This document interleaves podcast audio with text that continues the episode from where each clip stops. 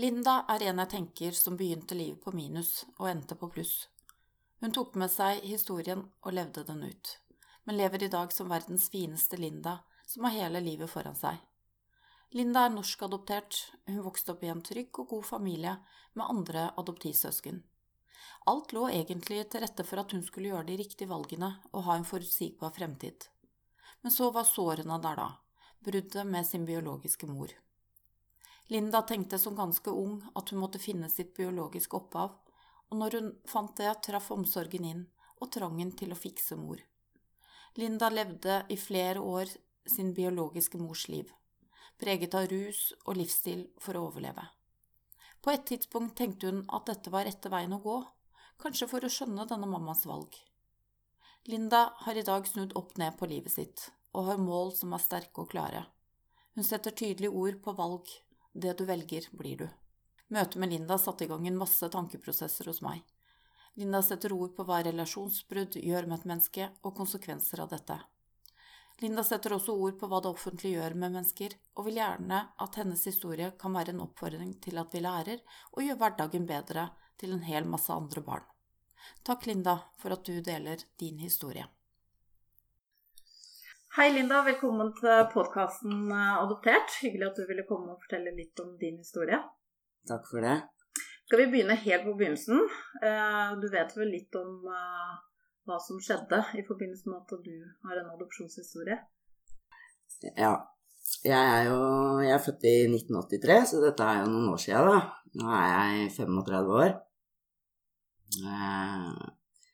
Jeg blei født i Oslo min biologiske mor hun hadde rusproblemer, hovedsakelig alkohol og piller. Eh, var vel litt eh, ymse med oppfølging på den tida, og hun uteble litt fra oppfølging og diverse, så jeg ble født på høsten i 83, rimelig drita full og avrustet etter fødselen, da. Så sånn sett, så, sånn humoristisk sett, så pleier jeg å si at jeg syns jo mutter'n var gavmild som delte med meg de månedene i svangerskapet, da. Egentlig. Ja. Mamma. ja. Tilbrakte jeg mine to første måneder sammen med mamma. Du ble sendt eh. hjem fra sykehuset med moren din da, eller? Ja, så vidt jeg vet, så ble jeg det. Eh, og allerede der så tenker jeg at det er det er noe som bør forandres i eh, reglementet vi har her i landet. Fordi når det gjelder opplysninger om egen fødsel og tid etter fødsel, så er det noe som eh, står eh, Opplysninger i den forbindelse står ofte nedført i journal til fødemor eller biologisk mor. Det er opplysninger man ikke har krav på med mindre det foreligger samtykke det samtykket er jo jeg en av de som ikke får. Kanskje fordi den tida ikke er noe hun var så veldig stolt av, min biologiske mor.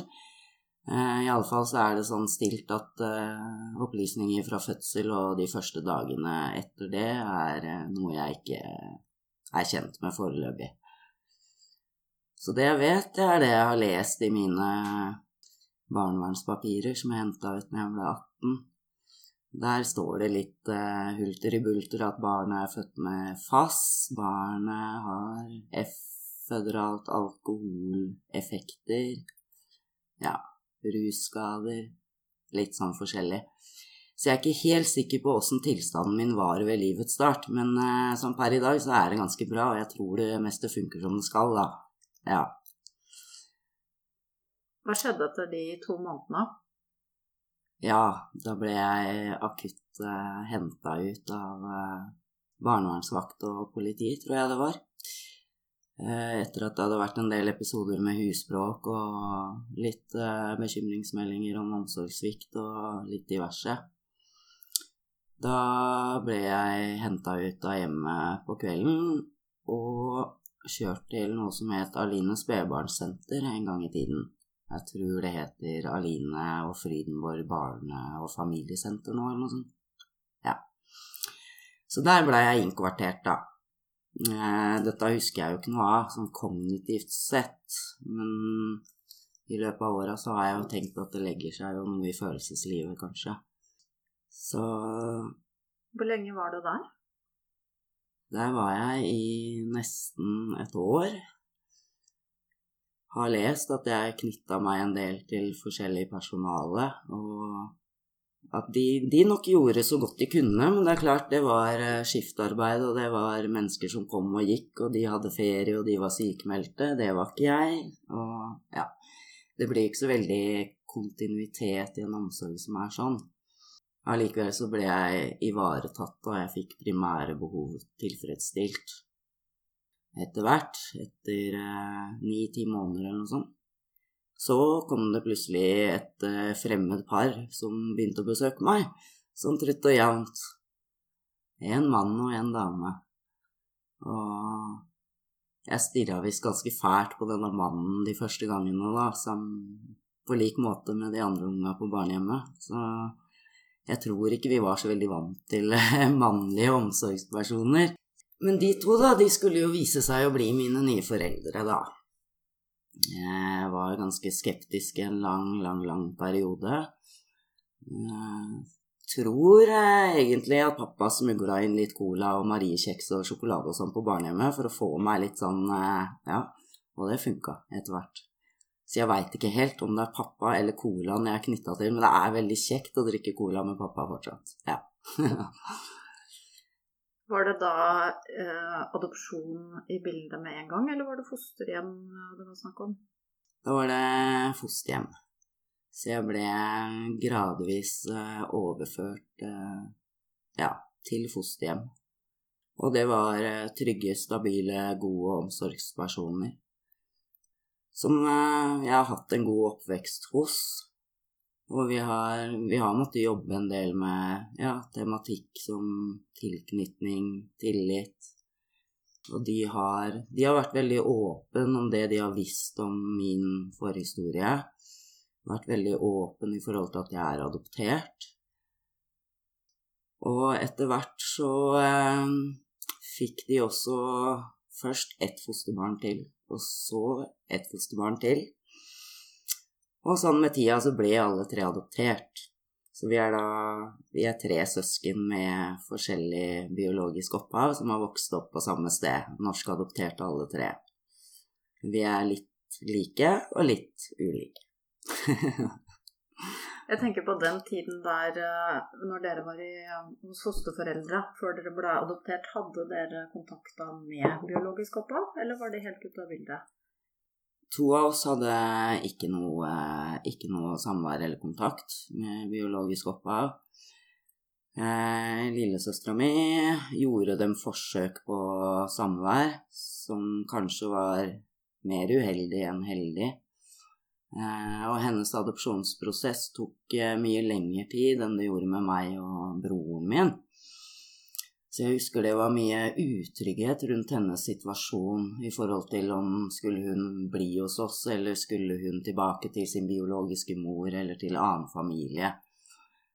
Eh, også en del spørsmål fra barnet sine om hvorfor hadde ikke hun samme etternavn som meg og broren min, og litt sånne ting. Og det er kanskje litt derfor at jeg som voksen er jeg sånn forkjemper for dette med adopsjon.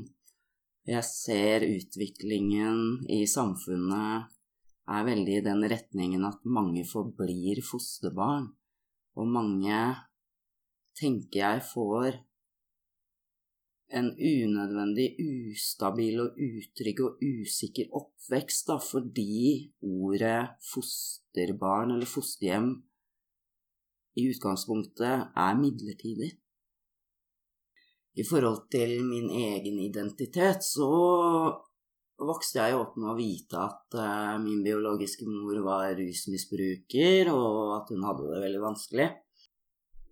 Det, det var et eller annet inni meg som på veldig, i veldig tidlig alder gjorde at jeg jeg ville på en måte hjelpe mamma. Jeg ville vite hvem er mamma, åssen har mamma det. Og grunnen til det tror jeg kanskje var fordi noe inni meg lurte på hva var det som gjorde at mamma ikke var glad i meg? Hvorfor ville ikke mamma ha meg? At det var litt der med at eh, hvis din egen mor ikke kan elske deg, så må det være deg det er noe feil med, ikke sant? jeg hadde veldig den følelsen der, og jeg husker at uh, ikke min egen familie, men en del andre rundt oss sa veldig ofte at uh, jeg var heldig som hadde blitt adoptert. Så litt fokus på er du ikke takknemlig som har fått så fint hjem og fine foreldre og Og det, det forsterka den følelsen som jeg allerede hadde, at uh, jeg i utgangspunktet tenkte om meg selv at jeg er ikke noe verdt. Jeg er ikke berettiget å ha et godt liv. Dette her var ikke ment for meg. Så allerede i åtte-ni-tiårsalderen så hadde jeg veldig destruktive tanker om meg selv. Delte du de tankene med søsknene dine eller adoptivforeldre? Eh, nei, jeg hadde vanskelig for det på det tidspunktet. For jeg hadde en grunnleggende følelse av at uh, ingen egentlig forsto meg, og ingen egentlig skjønte helt hvordan jeg hadde det. Samtidig som jeg ikke ville belaste de rundt meg med sånne negative, vanskelige tanker. Så det jeg gjorde mye, var at jeg leste veldig mye om eh, fenomener som jeg tenkte kunne sammenfalle med mamma, da. Alt fra narkomani til alkoholisme, det å være uteligger, prostituert, altså sånne der sosialpornografiske greier. Eh, og tenkte at eh, ja, det er mamma, og da kanskje jeg må bli som mamma for å skjønne åssen hun har det, for å skjønne hvorfor ting ble som det ble. Så jeg vet at uh, det sies at det er veldig tilfeldig at man røyker den første jointen, og så plutselig så sitter man liksom med nåla i armen, og så er det begravelse uten en eneste gjest i kirka, osv. Men for meg så var det en veldig Det var en veldig bevisst flukt, det med å bruke rusmidler i veldig ung alder. Uh, og jeg begynte veldig aktivt egentlig å oppsøke andre barn som jeg så hadde det vanskelig hjemme som jeg tenkte at uh, hadde fortjent den samme hjelpa som jeg fikk, men som ikke fikk det. Så jeg, jeg rota meg nok inn i veldig mye uheldige situasjoner, og jeg var på den tida veldig grenseløs i forhold til meg sjøl. Jeg følte vel at jeg hadde et kall, eller at jeg skulle hjelpe andre barn som hadde det vanskelig. Eh, samtidig så hadde vel ikke jeg som barn de ressursene til å gjøre det. Så det gikk nok mer utover meg selv eh, i en del år. Men i den rusen fikk du den forståelsen for hva moren din eventuelt kunne ha følt og tenkt? Eh, det ga meg vel eh, kanskje noen svar. Samtidig som jeg jeg følte vel at det ikke var nok. Så jeg eh, Jeg turte heller ikke på et tidspunkt å si til adoptivforeldrene mine at jeg eh, veldig gjerne ville finne mamma igjen. Men Jeg hadde jo ikke sett henne siden jeg var kanskje et halvt år eller noe sånt. Så da, da dro jeg faktisk inn til Oslo aleine og leita opp mamma når jeg var Jeg tror jeg var 13 eh, år eller noe sånt og fant faktisk Jeg fant faktisk den bygården hvor hun bodde.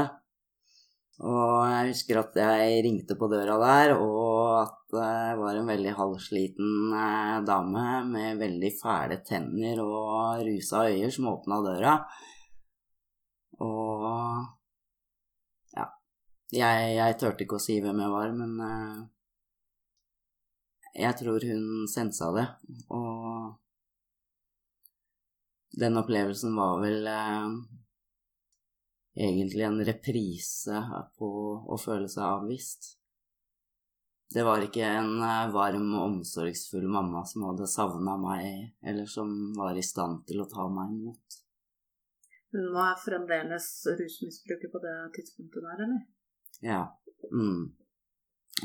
alkoholisert og ja, i, ofte i turbulente forhold med alkoholiserte menn og en del vold og Ja, det er eh, Per i dag så er det også mammas måte å leve på. Så Men jeg har jo med tiden lært meg å tenke at uh, jeg tror ikke det var det at hun ikke elsket meg. Jeg tror det var at hun ikke evnet å gjøre det, rett og slett. Husker du hva du tenkte da du som 13 år etter å ha møtt henne for første gang, egentlig? Hva du tenkte på vei hjemover da? Eh, det var jo det var en, Jeg husker at det var en stor smerte for meg. Var litt, eh, jeg var litt skuffa. Fordi jeg tror at det største ønsket jeg hadde, var at hun skulle være glad i meg. Eh, og jeg bestemte meg den dagen. Dessverre så gjorde jeg det. At jeg skulle bruke all min tid og all min energi på å få mamma til å bli glad i meg.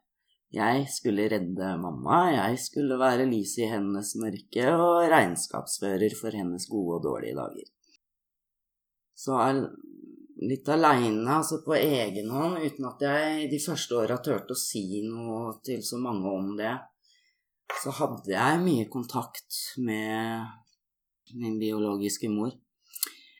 Mest i form av fyllesamtaler som hun ringte støtt og stadig, dag og natt av og til besøk hvor hun som regel ikke var hjemme, eller uteble uten beskjed, eller ikke var særlig ålreit å omgås, egentlig. Så mye av, mye av, min ungdomstid gikk egentlig til at jeg tenkte at jeg, jeg skulle klare å redde mamma, for at hun skulle ikke bli borte fra meg igjen, tror jeg. Jeg tror det lå noe der. Var det hun som tok kontakt eh, etter at du hadde vært der første gangen? Nei, det var nok jeg som var veldig på det.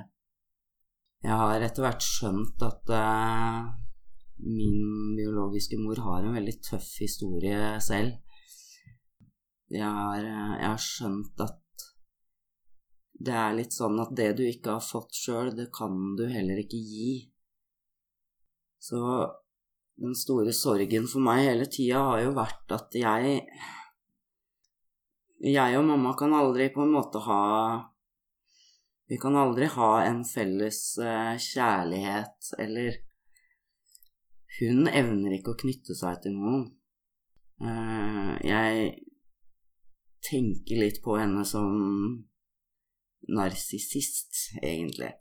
Jeg har vel skjønt at det forholdet vi har hatt, har vært skadelig for meg. Men allikevel så legger jeg ikke Jeg legger ikke noe skyld på henne for det. For jeg tenker at hennes person og hennes liv er et resultat av feilslått offentlig omsorg før i tida, når hun vokste opp. Og det er en trøst for meg å ha den forståelsen. Eh, sånn at jeg føler ikke lenger at jeg er en stor feil. Men det var eh, turbulent, og det var ganske krevende i en del år. Ved å møte henne så ung, for det var jo tidlig i ungdomsåra, torde du å stille de spørsmålene du lurte på? Jeg husker at jeg hadde, jeg hadde veldig lyst til det. Jeg var veldig tydelig på hva jeg egentlig ville vite. Eh, men det ble også fort veldig tydelig at eh, det Det var ikke tema. Det Det har eh, alltid vært, og er sånn enda, noe som hun ikke evner å verken forholde seg til eller snakke om. Jeg tror min mor har en evne til å overleve det meste i livet ved å plassere skyld og ansvar på alt og alle rundt seg. Så jeg har, jeg har mange ganger når Nå er jo jeg 35, jeg har jo venner som får barn osv. osv. Og jeg blir jo liksom fascinert når de sitter og forteller eh, barna sine om eh, ja, hvordan fødselen var, hvor fint det var å se barnet sitt første gangen, holde det i arma og Eh, akkurat det syns jeg kan være litt sårt noen ganger, fordi mamma gir ikke meg de historiene. Jeg vet ikke om det er fordi at hun om Kanskje hun rett og slett ikke husker det, eller har fortrengt det, eller var eh, ved så dårlig helse den tida at hun ikke evner å gjenfortelle noe. Men de tingene hun har sagt til meg, og særlig det hun sa da når jeg var 13-14-15 år Det bidro jo ikke til å egentlig øke selvtilliten min. Det var nok mer sånn at uh, hun snakka meg ned for å snakke seg selv opp, på en måte. Jeg har aldri vært fokus i hennes liv. Uh, aldri vært viktig. Samtidig som det er meg hun har ringt til for å være sint på, eller for å true med å ta livet sitt, eller for å skylde på Så har hun jo på en måte brukt meg. Men det har vært et veldig sånt raseri og veldig sånn hat fra hennes side. Og som voksen så har jeg egentlig lært meg å tenke at jeg tror det hatet kanskje er et snev av den kjærligheten som jeg kanskje har lengta etter. Det er i hvert fall en sånn illusjon jeg lager meg for å kunne legge den død, liksom. Ja. Mm. At det er hennes måte å ha et bånd til deg på, på et eller annet nivå? Ja. Mm. Ja, jeg tror det. Det har etter hvert blitt sånn at hun må leve sitt liv, og jeg må leve litt med leve mitt liv, da. Fordi at jeg sleit sånn eh, identitetsmessig med ja, hvor hører jeg hjemme, hvilken verdi har jeg, hva skal jeg bli? Det var jo noen rundt meg opp gjennom ungdomstida som stussa litt over at jeg gikk så aktivt inn for å bli eh, ja, ganske heavy. Jeg var sprøytenarkoman, og jeg hang mye ute. Jeg, gjorde, jeg, jeg, var destruktiv i veldig ung alder. Det var mange som stussa på det. Men så har jeg Og jeg tenker at de på en måte problematiserte ting litt på litt på en feil måte. Fordi det blei i perioder blei det litt sånn negativt fokus på hva, hva er feil med denne jenta? Hvorfor tenker hun så destruktivt som hun gjør? Eh, hun som fikk en, en, eh, ny start og et nytt hjem, hun har jo alle muligheter for å lykkes i livet. Hva er det som skjer? Hva er gærent med Ja. Og jeg tenker egentlig at eh,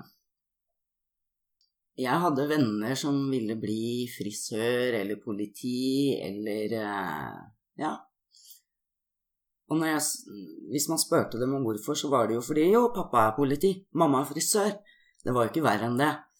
Jeg tenker at noen skulle spurt meg den gangen rett ut, Linda, hvorfor mener du at du fortjener å være heroinist? Hvorfor mener du at du skal være prostituert, bo på gata, ha Hvorfor? Jo, fordi jeg speila meg i det jeg mente var min mamma. Eh, og det har tatt noen år å rydde opp i det. Når jeg var 18 år, så fikk jeg eh, hjelp. Da var jeg i heldøgnsbehandling på et eh, veldig flott kollektiv som heter Sollia-kollektivet. Så fra jeg var 18 år, så ble jeg rusfri og klarna opp i hodet. Jeg skjønte mer at uh, mitt liv trengte ikke å være sånn som mamma sitt liv. For meg så er det en stor forskjell på å ha samme gener enn å være samme person eller gå samme veien. Jeg tror eh, Eller jeg, jeg ser det tydelig sånn i ettertid at eh, det at eh, min biologiske mor forlot meg, eller snudde ryggen til meg, det gjorde at jeg også mer eller mindre ubevisst gjorde det samme i min egen oppvekst overfor de rundt meg. Altså Det var jeg som kanskje forlot mine adoptivforeldre, jeg som forsvant i rusen fra de rundt meg. Jeg har nok vært flink til å avvise og forlate folk før de eventuelt har gjort det samme med meg. Du sa du ikke uh, torde å fortelle hjemme uh, den første gangen du møtte uh, biologisk mor. Visste de om kontakten du hadde med henne opp gjennom ungdomstiden? Ja, etter hvert. Etter hvert så visste de det. både fordi det ble en del telefoner, både på min private mobiltelefon den gangen, men også hjem til vår familie. Og på den tida så hadde vi jo hustelefon, og man så ikke hvem som ringte. Og det ble det ble etter hvert snakk om grensesetting i forhold til min biologiske mor. Fordi mine søsken tok av og til telefonen, og det var jo ikke akkurat eh, den mest siviliserte, sofistikerte, høflige damen som var i den andre enden alltid. Det, det bidro egentlig periodevis til at jeg fikk en litt sånn lojalitetsbrist. Fordi at eh, jeg skjønte veldig godt at mine adoptivforeldre syntes at den kontakten jeg hadde med min eh, mor, var uheldig og skadelig for meg. Samtidig så var jeg veldig opptatt av at jeg måtte fortsette den kontakten. Også mye fordi mora mi eh, var veldig tydelig på at hvis jeg ikke var der for henne, eller jeg ikke romma henne på en måte, så var det ofte trusler om å ta livet sitt og den type ting. Så i perioder så var det mye kontakt i skjul fortsatt da også. Ble du hennes nærmeste på en måte, da, eller? På en måte så tror jeg at jeg ble det. Ofte Ofte i situasjoner hvor hun hadde trøbbel med sine andre nettverk. Krangler med samboere, fyll, slåssing En del sånne ting. Jeg var nok ofte, var nok ofte mye bekymra for henne. Det tok noen år før jeg skjønte hva som var akutt, og hva som ikke var akutt. Og Følte du selv at du ble hennes omsorgsperson? Ja, i forhold til det emosjonelle og psykiske så følte jeg mye det. Og det var egentlig tidvis veldig tungt, men samtidig så innbilte jeg meg at den rollen jeg hadde, var en slags bekreftelse på at jeg var viktig for mamma allikevel. Ja, for det må jo være viktig når noen tar kontakt med deg, på en måte. Ja. ja at man betyr noe. Ja. Jeg, jeg innbilte meg det, eh, og jeg tror, jeg tror, kanskje fortsatt at det var sånn, men jeg ser at det, det var jo veldig enveiskjøring. Eh, hele, hele denne historien er egentlig en bekreftelse på at barnevernet gjorde riktig den dagen i nemnda eh, hvor hun mistet foreldreansvaret og Så det det å komme i fosterhjem og det å bli adoptert, det å få tilført bedre omsorgsbetingelser, det har, eh, det har vært helt, helt, helt avgjørende for meg. Eh, de påvirkningene som oppveksten min i det miljøet jeg har hatt, det, det tror jeg har eh, alt å si for hvor jeg er i dag. Og at det underveis har vært veldig viktig for meg nettopp det å være adoptiv, adoptert kontra det å være fosterbarn. Fordi jeg var så veldig usikker på hvor jeg egentlig tilhørte, eller hvor jeg passa inn, eller noe sånt. Og når, når, jeg var adoptert, så var det Det var på en måte en permanent ordning. Det var som det var. Eh, jeg tror det har vært en veldig trygghet for meg i oppveksten og vite at jo, det er her jeg tilhører. Selv om følelsene mine i perioder har sagt noe annet, så har fornuften min og tankene mine hele tida kunnet motsi det. At jo, du er adoptert, det er her du skal være, det er her du hører hjemme. Du har rett til å være her. Det er noen som ønska deg, det er sant. Du så jo søsteren din hadde litt uh, trøblete i og med at hun skulle ha litt kontakt med biologisk opphav. Ønsket du det noen gang selv i løpet av oppveksten? å ha den kontakten? Jeg vet ikke om jeg tenkte så mye på det akkurat på den måten, bortsett fra at jeg lurte veldig på Jeg lurte veldig på hvem min biologiske mor var, hvordan hun så ut, hvordan hun levde. Men for meg så var det naturlig at vi ikke hadde den kontakten. Jeg tror ikke jeg har tenkt annerledes på det enn det. Og det er, jo, det er jo en spennende debatt i forhold til at mange mener at den kontakten med biologisk opphav er eh, grunnleggende og viktig for eh, mange å ha. Eh, og jeg deler vel til dels det synspunktet, men for meg så tror jeg det har vært veldig bra å ikke ha det.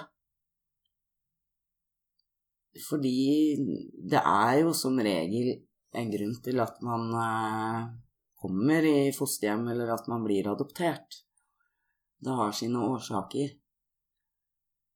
Sånn som jeg opplevde i ungdomsåra, altså det biologisk mor egentlig hadde å tilby meg, det hadde ikke vært eh, noe ålreit for et barn å forholde seg til.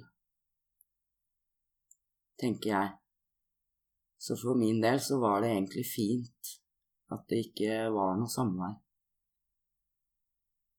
I og med at du hadde noen trøblete år i ungdommen, følte du trygghet med adoptivfamilien allikevel, samtidig? At du visste de var bak der? Eh, ja. Jeg vil egentlig si at det er, det er, litt todelt. Og jeg sier er og ikke var, fordi at det, det er fortsatt et issue for meg og kanskje mange andre adopterte at jeg, jeg veit med fornuften min at adoptivforeldrene mine alltid har vært der og alltid vil være der. Men følelsesmessig, emosjonelt, så har det vel alltid, og er fortsatt, det er et lite snev av tvil der, som handler om er jeg god nok? Vil de egentlig ha meg? Vil de forlate meg? Vil de avvise meg? På Jeg tror i forhold til søsknene mine også, så ser jeg at det er et issue som går litt igjen. Og jeg tenker det, det er kanskje noe mange eh, foster- til en viss grad bør være litt obs på, det at barn er veldig tilpasningsdyktige. Når man i utgangspunktet har en livserfaring med at man blir forlatt, eller man blir avvist Man kan kanskje ikke bare si til det barnet som fornuftsmessig at vi vil aldri forlate deg, vi vil aldri avvise deg. Fordi det barnet vil kanskje ha problemer med å tro på det sånn kognitivt sett i starten fordi det barnet har erfart noe annet. Det blir, veld, det blir eh, veldig svart-hvitt, det blir to forskjellige virkeligheter. Jeg tror det er noe man må via følelser og via det emosjonelle prøve å nå fram til barnet at eh, det er viktig, viktig, å ha kunnskap om at ja, fosterbarn og adoptivbarn, det er det er ofte noe som er veldig hyggelig for mange, fordi man kanskje gleder seg til dette barnet skal komme og Ikke sant? Jannicke, du veit jo mye om det. Men allikevel så er det, det det trivielle aspektet ved adopsjon. Det forhindrer kanskje det jeg mener er en viktig sannhet, og, som ligger i det at eh, barnet har allerede en livserfaring og en tilknytning gjennom fosterlivet i svangerskapet. Kanskje litt i, etter det òg. Eh, man har opplevd relasjonsbrudd. Og det barnet, vil jeg tro, i hvert fall i mitt tilfelle, bærer med seg en liten sorg, om man kan kalle det det, fordi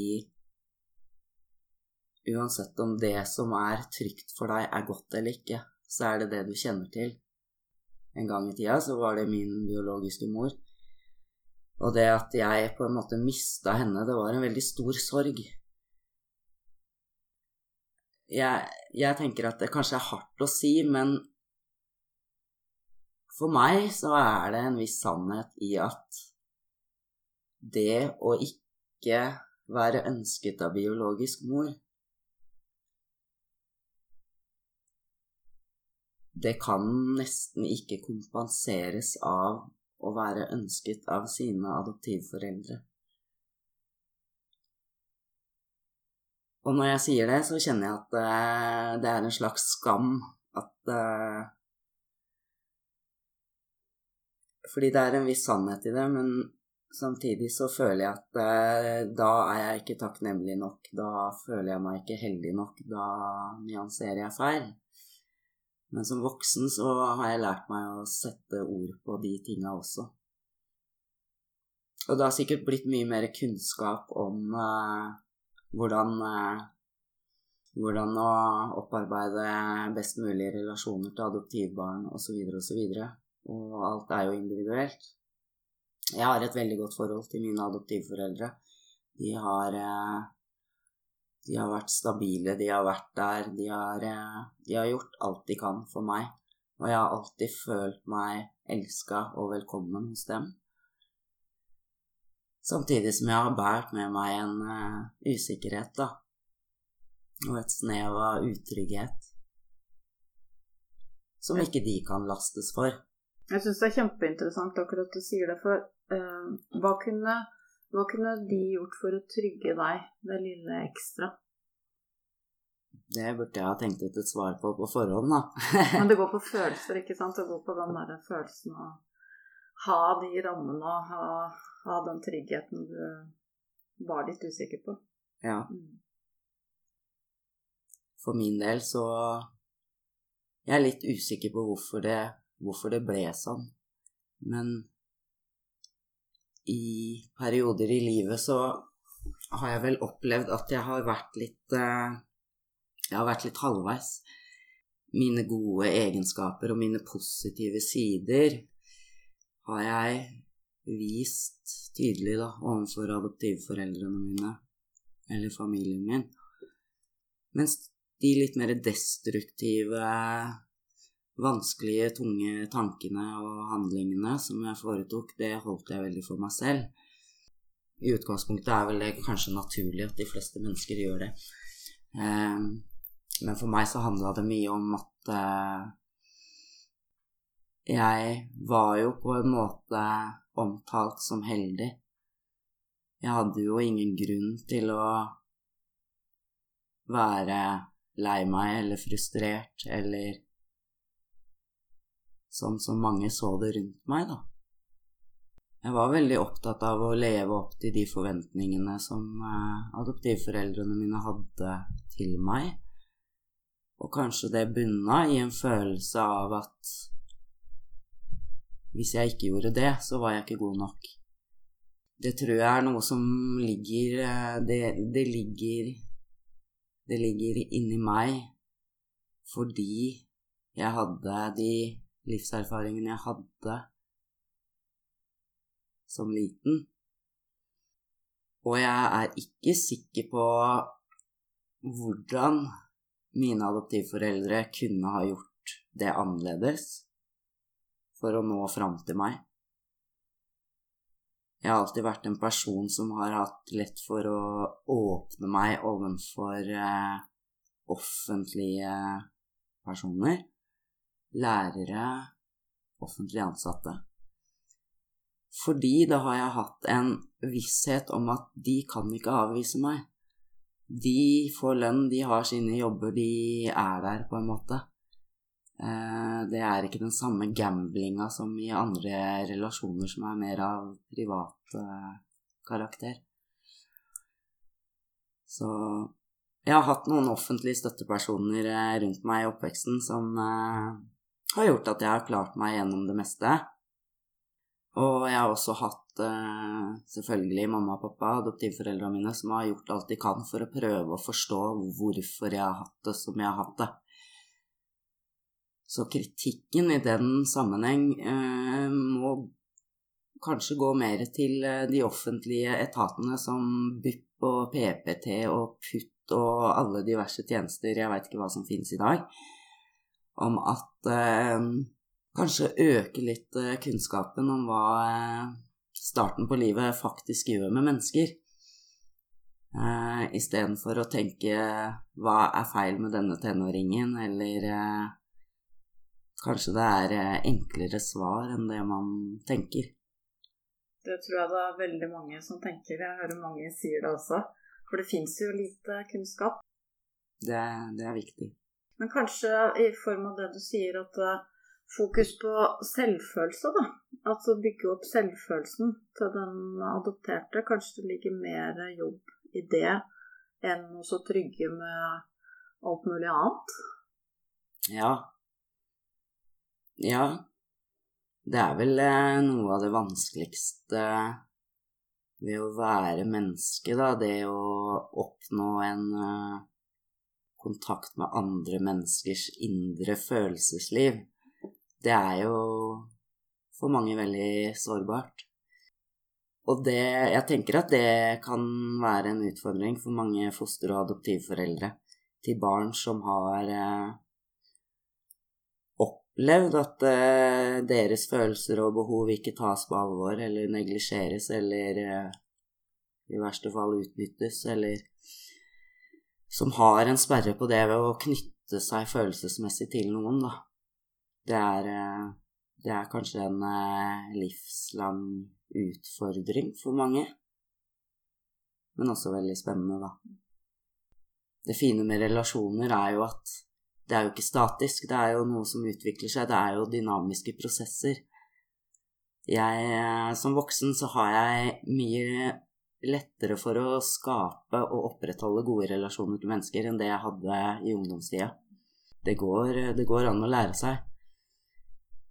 Og i og med at jeg fikk den eh, hjelpa jeg fikk som ung, og jeg fikk eh, gode omsorgsbetingelser rundt meg, en positiv utvikling, så kan jo jeg evne å fungere godt som voksen, i motsetning til det, det som er tilfellet for min biologiske mor. På en måte syns jeg det er Jeg, jeg syns det er trist at uh, hun ikke fikk den samme muligheten. Samtidig så finner jeg også trøst i det, fordi det forklarer hvorfor min historie ble som den ble, da. Du fikk med riktig bagasje? Ja. Ja, kan si det sånn, da. Ja. Mm. Vi snakket jo litt før vi begynte her, at du følte at du har en litt annen relasjon til søsknene dine. At det båndet på en måte eh, er litt tettere. Mm. Mm. Er det litt fordi dere var litt i samme båt? Ja, det kan tenkes at det, at det er mye, mye derfor. Eh, eh, på en annen side så var eh, jeg, er, jeg er eldst av oss. Eh, jeg kom først til mamma og pappa. Så når mine søsken kom, så var jeg allerede godt tilknytta og godt etablert. Og jeg var med på den prosessen med å besøke bror og søster, og når de kom i fosterhjem og adopsjonsprosessen og Jeg hadde allerede da en trygg tilknytning. Jeg var veldig sikker. Så de, de var elementer som jeg De var forutsigbare for meg. Jeg visste at de kom, jeg visste at de ble der. Eh, mens når jeg kom dit, så visste jeg ikke hva jeg kom til, eller hva som skulle skje. Så jeg har tenkt at på den måten også så har jeg hatt en sånn trygghet i at ja, kanskje som du sier, at vi er, vi er, vi er litt i samme båt. Eh, vi, har, vi har totalt forskjellige historier, totalt forskjellige opphold, eller opphav. Eh, men vi har, vi har mye av de samme følelsene rundt ting. Og det har vært en eh, Det tror jeg har vært fint for meg, og også for dem, å kunne snakke om opp igjennom. At det har vært en trygghet i det at eh, jeg tror vi forstår hverandre litt. Eh, og at vi tre søskna har kunnet hatt en greie rundt det, da.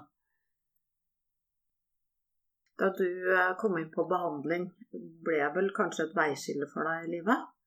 Ja, følelsesmessig så ble det helt annerledes for deg etterpå? Dette her med moren din og Ja, det For det første så skjer det jo veldig mye med et menneske som gjennomgår en avrusning, og som holder seg stabilt rusfri over lengre tid. Eh, både fysisk og hormonelt og psykisk, hele pakka. Det er egentlig bare win-win. Nei til rus. Ja, da den tida så fikk jeg jo fokusert mye på meg sjøl. Hvem jeg var, hva jeg ville. Altså, ja, jeg eh, slutta å ha mamma i hovedfokus.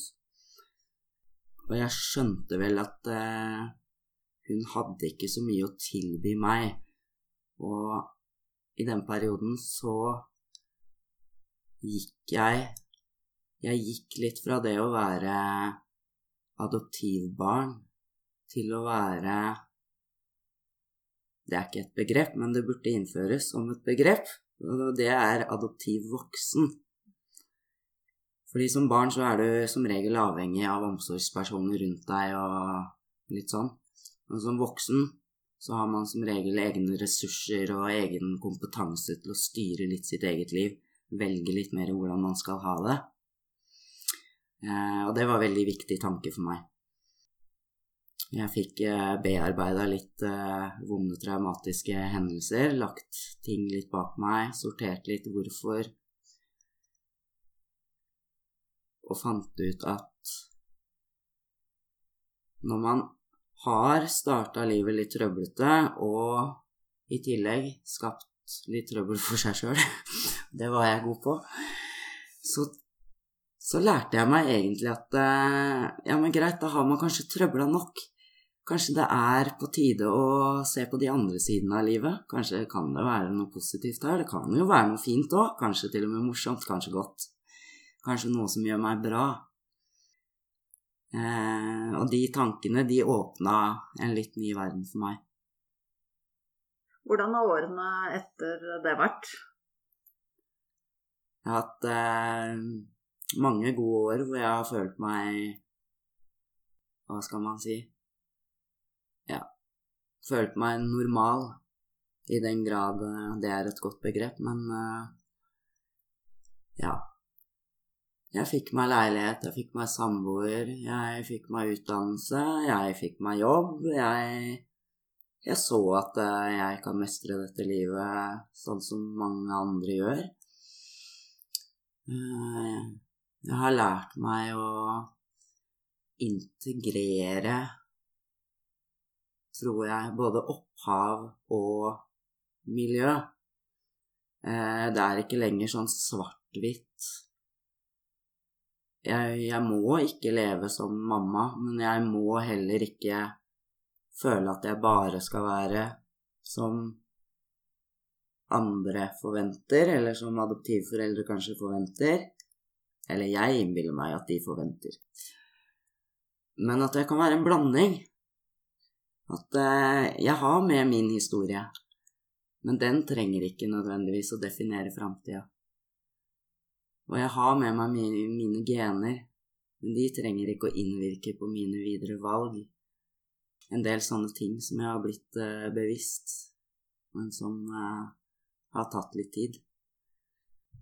Og man blir, man blir, jo engasjert, da, i forhold til at man forstår seg sjøl litt bedre, og kanskje tenker at det er viktig at andre foster- og adoptivbarn kan bli litt bedre forstått enn det kanskje en del blir. Jeg vet ikke. Ja. Hvor går veien videre da, Linda? Hvor går veien videre? Nei, nå har det akkurat vært en strålende, aktiv, flott sunshine i påske. Nå blir det sommer. Veien videre går eh, fortsatt i de baner at man minner seg på at man har ett liv, og uansett hvordan man har det, så fortjener man å gjøre det beste ut av det. At det At det er lov å være litt glad i seg sjøl. Tusen takk for at du delte dine tanker og din historie. Jo, takk for det. Det var fint.